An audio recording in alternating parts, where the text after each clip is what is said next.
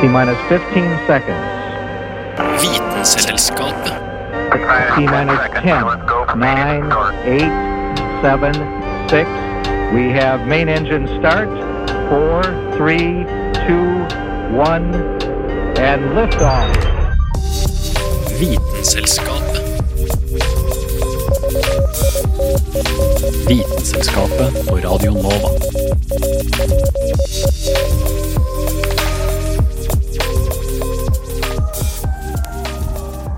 Like sikkert som flovannet flyter inn over fjæresteinene to ganger i døgnet, kan landsbyboerne en natt hver måned høre et klagende ul fra skogen rundt landsbyen.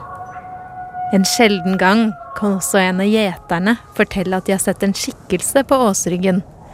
En hårete, vill skapning ule mot fullmånen. Den fryktede varulven er løs i natt som den var forrige fullmåne og vil være neste fullmåne. Varulvens tilstedeværelse er dermed ikke bare mytisk, men også syklisk. Og siden dette er et eh, populærvitenskapelig program, lar vi det mytiske aspektet ligge her ved døra, og fokuserer videre på selve syklusen. Varulver er eh, nemlig ikke det eneste fenomenet som dukker opp med jevne intervaller. Mitt navn er eh, Hanne Grydland.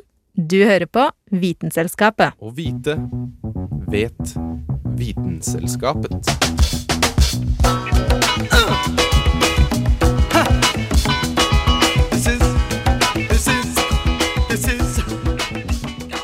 Året er nok vår eh, mest kjente syklus. På tur rundt sola. Men eh, til og med sola selv har sykluser.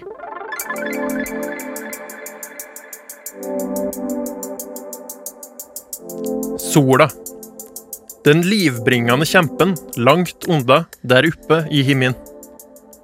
Samme hva som skjer, veit du at du har en ny sjanse når sola står opp i morgen. Det støe haldepunktet oss alle har. Men hva som skjer på denne ljosende kula, er langt fra konstant. Du har kanskje hørt at aktiviteten på sola varierer. Det er imidlertid langt fra uforutsigbart hva stjerna vår finner på. Det har seg nemlig sånn at denne aktiviteten er syklisk. Den gjentar seg sjøl på nytt og på nytt. Men først hva i all verden slags aktivitet er det høyt der oppe? Solstormer er nok den mest kjente formen for aktivitet på sola. Dette er sjølsagt en metafor. Det er ikke snakk om at det regna og tola på sola si overflate. Der er det heller ikke masse, slik vi kjenner det her på jorda. I sola er det verken væske, gass eller fast stoff, men plasma. Det som er unikt med plasma, er at alle partiklene er ioniserte. Altså har elektronene og protonene kommet bort fra hverandre. Plasma oppstår der det er sterke elektromagnetiske felt. Og i denne plasmaen kan solstormer oppstå. Når lada partikler blir akselerert nok og treffer plasmaen, får oss en solstorm. Ei utrolig mengde energi blir slunget ut fra sola i løpet av få minutter. Tallet er ti opphøgd i 25. hjul. Det tilsvarer 10 000 ganger all energien hele menneskeheten bruker i løpet av et helt år. Energien som slipper ut fra sola, kommer i form av stråling i alle bølgelengder og solvind. Solvind består bl.a. av høgenergiske partikler som elektroner og protoner. Ut i verdensrommet i ei forrykende fart. Solvind er ikke like behagelig som det høres ut. Hvis en solstorm sender vind mot oss, er det ille ute med menneskeheten. Disse partiklene er ikke særlig bra for oss. Men det som vi er heldige med, er at vi har et magnetfelt rundt jorda, som gjør at partiklene ikke kommer direkte i hodet vårt. Så solvind er ikke en umiddelbar dødsdom. Det gir oss faktisk fantastisk nordljos. Solstormer kan allikevel ha store følger om de er sterke nok, og kan slå ut både satellitter og hele strømnett.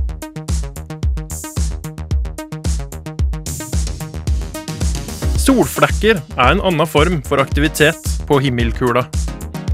De ser ut som mørke flekker på overflaten av sola om du ser på sola i et teleskop. Ikke gjør det, da, for det var slik Galileo Galilei ble blind.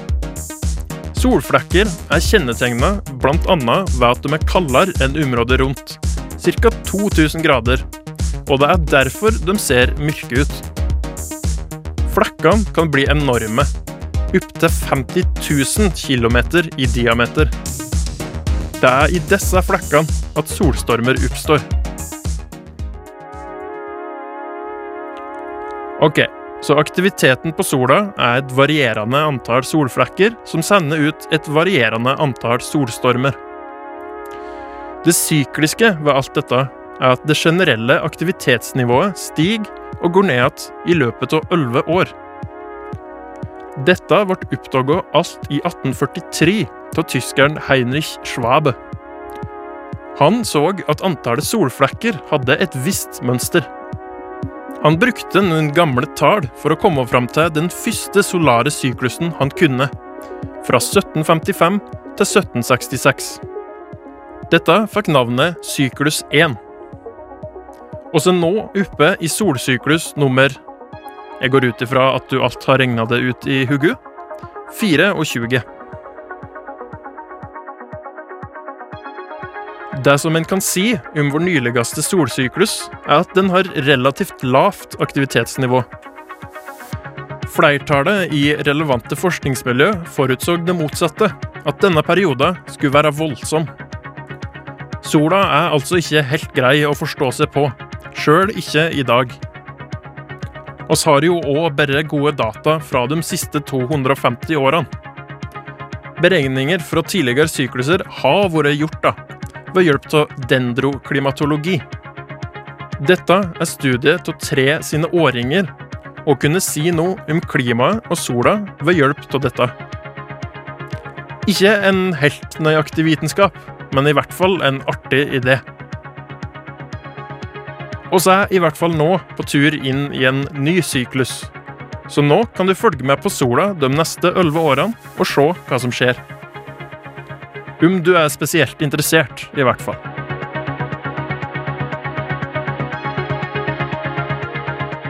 Saken var laget av Carl Adams Kvam. Visst, visst, visst, visst, visste du at? Visste du at?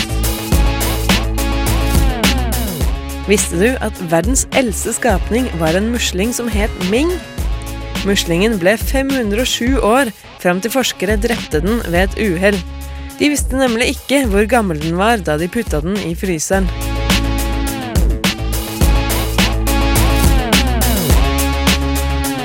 Visst, visst, visst, visst, visste du at?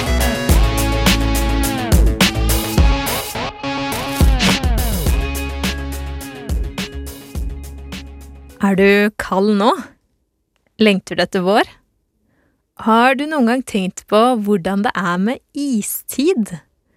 Det skal du ikke få høre nå, men du skal få høre når vi kan forvente neste istid. Hint det blir kaldt ganske så snart.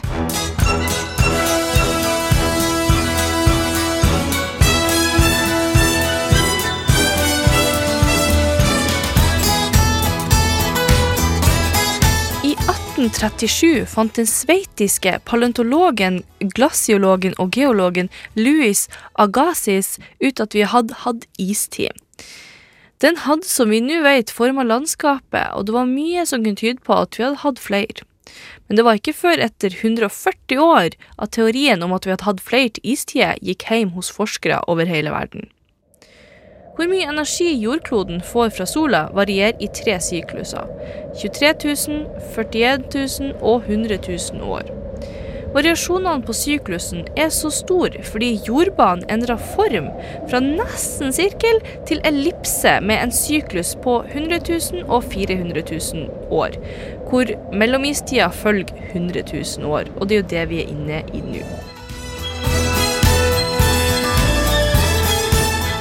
Dette gjør at den mengden med sol som treffer bakken varierer, altså med svært små variasjoner i solinnstrålinga, men som kan gi store klimautslag. Jordaksen peker også i ulike retninger, litt sånn som en snurrebass. Dette gir relative forskyvninger i sommer- og vintertemperaturer på perioder på 19 000 og 24 000 år. Og alt dette påvirker og gir variasjoner i solinnstrålinga på 0,1 så det sier jo litt om hvor lite det skal til før det har påvirka og utløst istider. Men det finnes jo også andre faktorer som kan være med å utløse dette. da. Akkurat nå er vi jo inne i ei såkalt mellomistid. Og noen sier jo at vi kan være på vei inn i en ny istid om ikke så altfor mange tusen år. Akkurat dette er ikke så enkelt å si, for vi påvirker visst ganske mye sjøl. Den forrige istida starta for 115 000 år siden, og vi var på topp for ca. 15 000 år siden.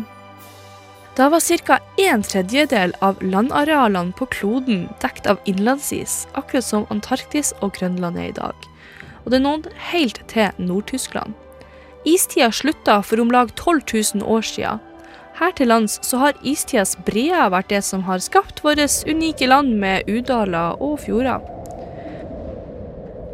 Men når er egentlig neste istid? Det har vært mye om og men, og i 2015 var det noen britiske forskere som sa at vi fikk en mini-istid allerede i 2030. Dette kom de fram til pga. en ny datamodell av solsyklusen. Syklusen til sola er jo rundt 11 år, hvor aktiviteten går opp og ned. Og de mente at den nye modellen viste at solaktiviteten kan gå ned med 60% i løpet av 2030. Dette sier seg sjøl at det ville fått en negativ innvirkning, og ville nok fått et greit snev av istid. Denne forskninga er også for så vidt også støtta opp så sent som i år, hvor forskere sier at det vil starte med syntetiske magnetiske bølger i 2021, som vil føre til lavere temperaturer og vare i hele 33 år. Mens de britiske forskerne sier at vi kan forberede oss på kaldere tider og miniistid, så forteller forskere i Tyskland fra Potsdam-instituttet, også kalt PEAK, i 2016 at neste ordentlige istid er blitt utsatt med 50 000 år. Så den kommer ikke før om 100 000 år. Altså dobbelt så lenge til som først antatt. Og dette er pga. klimagassutslippene våre som har påvirka drivhuseffekten. Hvis man ser på det med en sammenligning, så har det i en million år vært vanlig med en istidssyklus på 100 år, hvor 90 av disse 100 årene har vi vært i istid, altså 10 år uten. Mens nå kan vi kanskje se for oss å være 100 000 år uten. Men forskningen endrer seg, og det gjør jorda, utslippene våre og hvordan vi lever også. Men at vi påvirker istidssyklusen, kan man egentlig nesten bare anta. Det var Ida Katrine Vassbotn som fortalte oss om syklusen til istida. Oslo 2 igjen, Oslo 2. Dette er Vitenselskapet. Radio November, Oskar, Viktor, Alfa.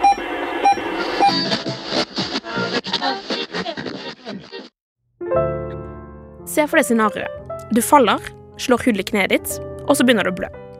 Senere så begynner det her eh, såret å gro, og etter hvert så vil det bli helt normalt igjen. Dette er jo sikkert noe som alle har opplevd før, men har du noen gang tenkt over hvordan det kan skje? Hvordan kan man gå fra et hull i et kne til et sår, og så tilbake til hud igjen? Jo, dette kan skje fordi huden klarer å vokse tilbake. Og huden består jo av mange celler, så det er cellene som vokser ved at de deler seg og blir mange flere, som ender opp som et nytt hudlag der du hadde såret til å begynne med. Så når en celledeling begynner, så markerer det her slutten på noe som vi kaller for cellesyklus. Og en slik syklus foregår i alle cellene i kroppen din, og denne vil bare begynne hvis det er behov for flere, som f.eks. når du har et sår på kneet ditt. Cellesyklusen består i grove trekk av fire faser, der tre av de er faser som gjør at cellen vokser i størrelse, og den siste fasen er selve celledelingen. I fase 1 forbereder cellen seg til å kopiere DNA-et sitt, og for at cellen skal få lov til å gå videre i neste fase, så må en rekke krav være oppfylt.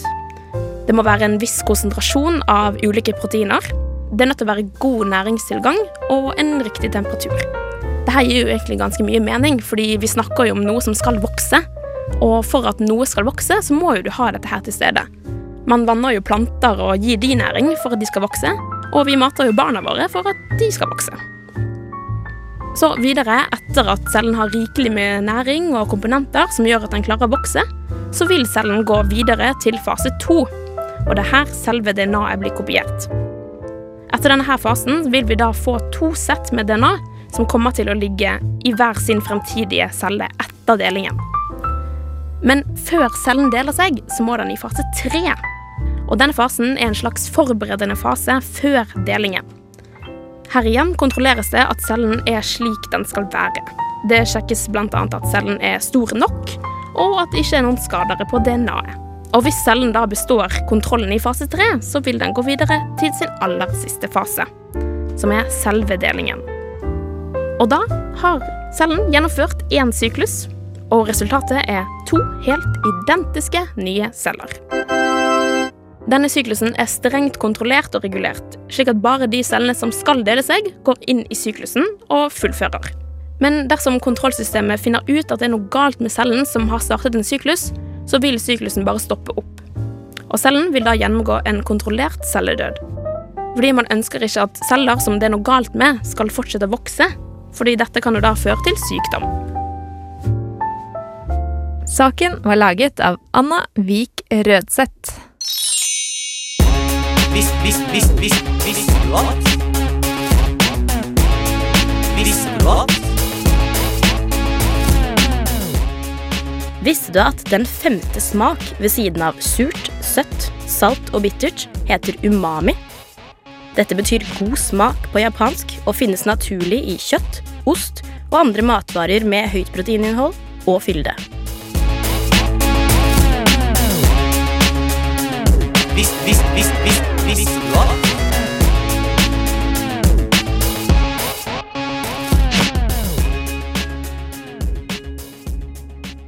Evolusjonshistorien er full av sykluser, men også store overganger.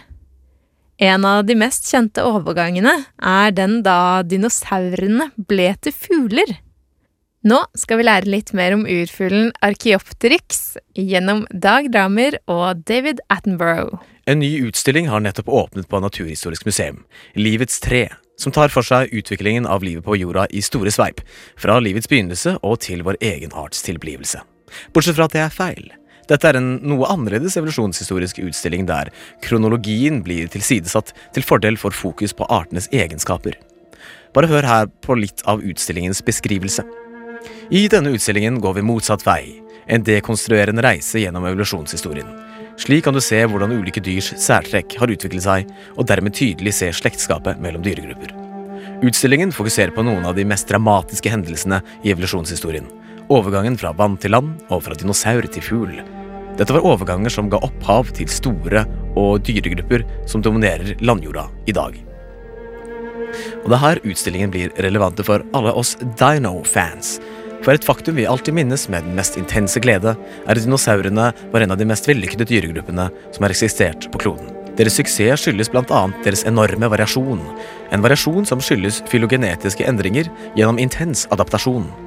Det kule med utstillingen er at dinosaurenes store overganger blir tatt opp. Bare hør her på utstillingsbeskrivelsen videre. På samme måte følger vi fuglene tilbake til da de utviklet seg fra dinosaurene, og videre til da de første virveldyrene kom opp på land. Fortellingen er levendegjort med fossiler og spektakulære modeller av våre og fuglenes forfedre, som den dunete rovdinosauren Sinosauropteryx, panserpadden, Acantostega og skrekkfisken Panderctys.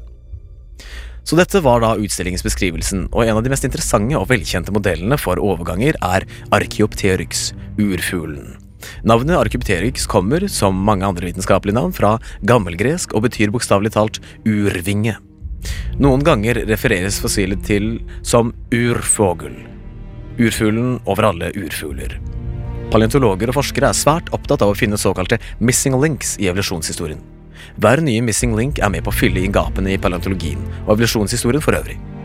Man kan se den delen av kvisten på evolusjonens tre man ikke tidligere så, og dermed kan man se hvordan den partikulære kvisten man har funnet mer av, ledes tilbake til stammen, som er livets tre. Alt livet på jorda henger sammen, og The Missing Links er med på å vise til dette faktum. Da ideen om at fugler stammer fra dinosaurer, eksempel, begynte å få mer oppmerksomhet, lurte man på hvordan en eventuell overgangsform ville se ut. Så kom det, som det ofte gjør i paleontologiens historie, et lykketreff, ved at et nydelig bevart fossil i sandstein ble funnet i et steinbrudd i Tyskland på slutten av 1800-tallet. Tegnene på eksistensen til en slik urfugl hadde kommet en stund før, med flere fragmenterte funn, blant annet av fjær. I ettertiden er det funnet flere arkypterykser, mer eller mindre godt bevart. Man trodde først at Archipterix var en compsognatus, en liten kjøttetende dinosaur, men så så man at det var avtrykk av fjær rundt dyrets slanke armer, ben og hale. Videre undersøkelser konkluderte med at fuglen var lett nok, og hadde de strukturelle forutsetningene for å fly. I hvert fall glidefly. Den hadde lange fingre med klør, akkurat som Compsognatus, relativt lange, muskuløse ben og en lang, karakteristisk stiv hale, som ingen moderne fugler har, men som derimot de mindre rovdinosaurene, raptorene, var kjent for å være i besittelse av. Så der har dere det, kjære lyttere. Et klassisk eksempel på en av evolusjonshistoriens store overganger. There can be no doubt about what it is. It's a feather. And a few months after its discovery, a quarryman found a fossil of the animal to which it must have belonged. Its outstretched wings made it quite clear to anyone that this was an animal that could fly. They called it Archaeopteryx. And this is what it may have looked like in life. The feathers on its wings are strong and rigid, so they don't need to be attached to the legs as membranes do, and it leaves the legs free so that they could run.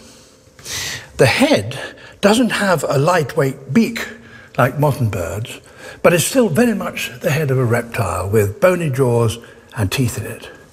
And the tail, too, has a line of bones running down its length, just like a lizard's tail. So this is half reptile, half bird. We now know that Archaeopteryx was not alone. There were several different kinds of feathered reptiles living about this time. They lived inland, but it's clear that the pterosaurs now had rivals in the sky. The dynasty of the pterosaurs lasted over 150 million years. A meteor that crashed into Earth 65 million years ago is often blamed for the extinction of the dinosaurs and the pterosaurs. But the truth is that their fate was already sealed by the early birds that had been evolving in their shadow.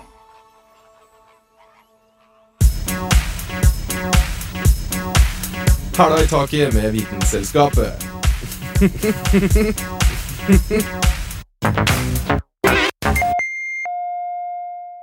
Månen er jo noe av det mest sykliske vi mennesker kjenner til. Ikke bare styrer den flo og fjære gjennom eh, døgnet, men med ca. én måneds mellomrom går den fra full til mørk til full igjen. Kanskje dette har noe å si for hvorfor månen også er pakka inn i et nett av myter og mystikk?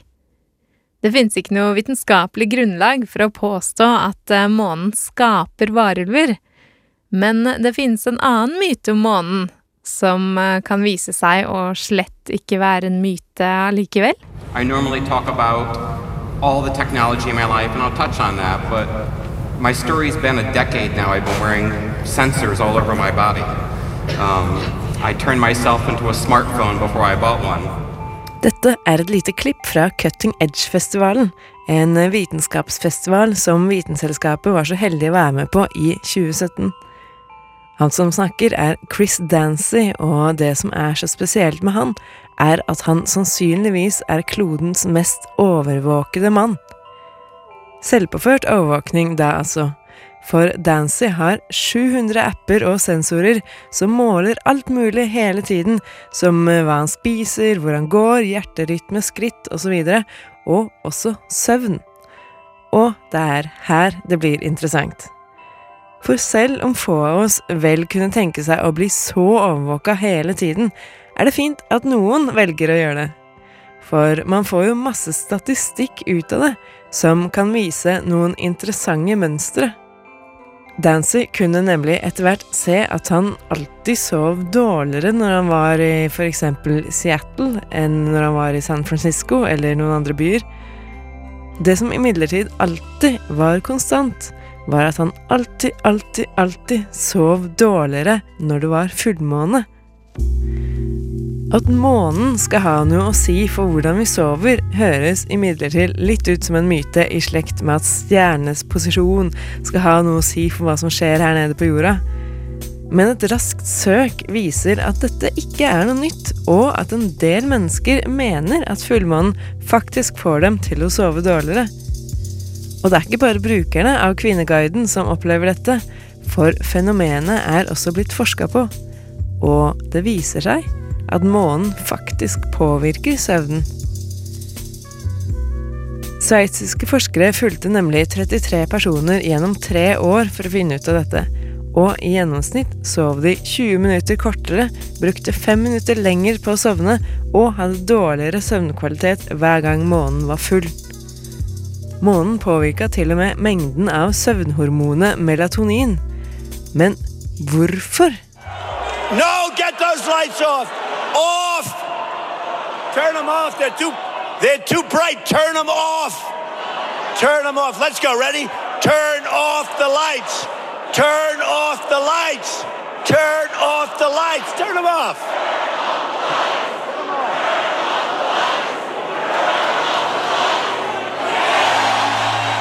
Vel, man skulle tro at det er av at månen lyser mye sterkere når den er hel, og folk sover jo dårligere når det er lysere. Men eh, det stemmer ikke. Undersøkelsene skjedde nemlig i et søvnlaboratorium under veldig strenge lysforhold, så deltakerne hadde ikke noe føling med månefasene. Det er derfor antageligvis slik at vi alle har en slags biologisk måneklokke et sted i kroppen som følger månen selv om vi ikke kan se den. Det hjelper med andre ord ikke å trekke gardinene for, fordi måneproblemet er inni oss. I hvor stor grad folk påvirkes av dette, varierer, og noen er mer følsomme for det enn andre. Men hvorfor vi i det hele tatt har en måneklokke, er fremdeles et lite mysterium. Svaret kan kanskje ligge i vår fjerne, mer animalske fortid, hvor vi ikke hadde andre lys å forholde oss til enn sol og måne. Noen forskere mener at det kan være en mekanisme som sitter igjen fra en tid da månefasene kan ha vært med på å synkronisere oppførselen vår. Men eh, hvor denne klokka sitter, og hvordan den virker, må det nok forskes mer på. For ikke å snakke om hvordan man kan stille den klokka, slik at man kan få seg en skikkelig døgnrytme.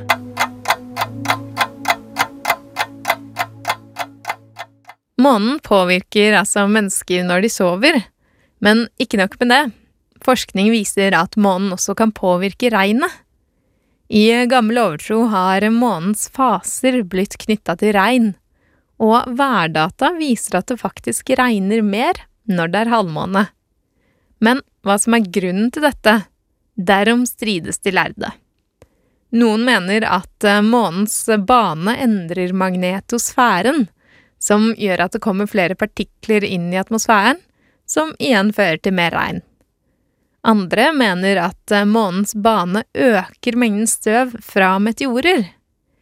Uansett årsak så har det ikke så mye å si. Månens effekt er bare ansvarlig for 1-2% av endringene. Hun som lagde saken om måne og søvn, heter Kristin Grydland.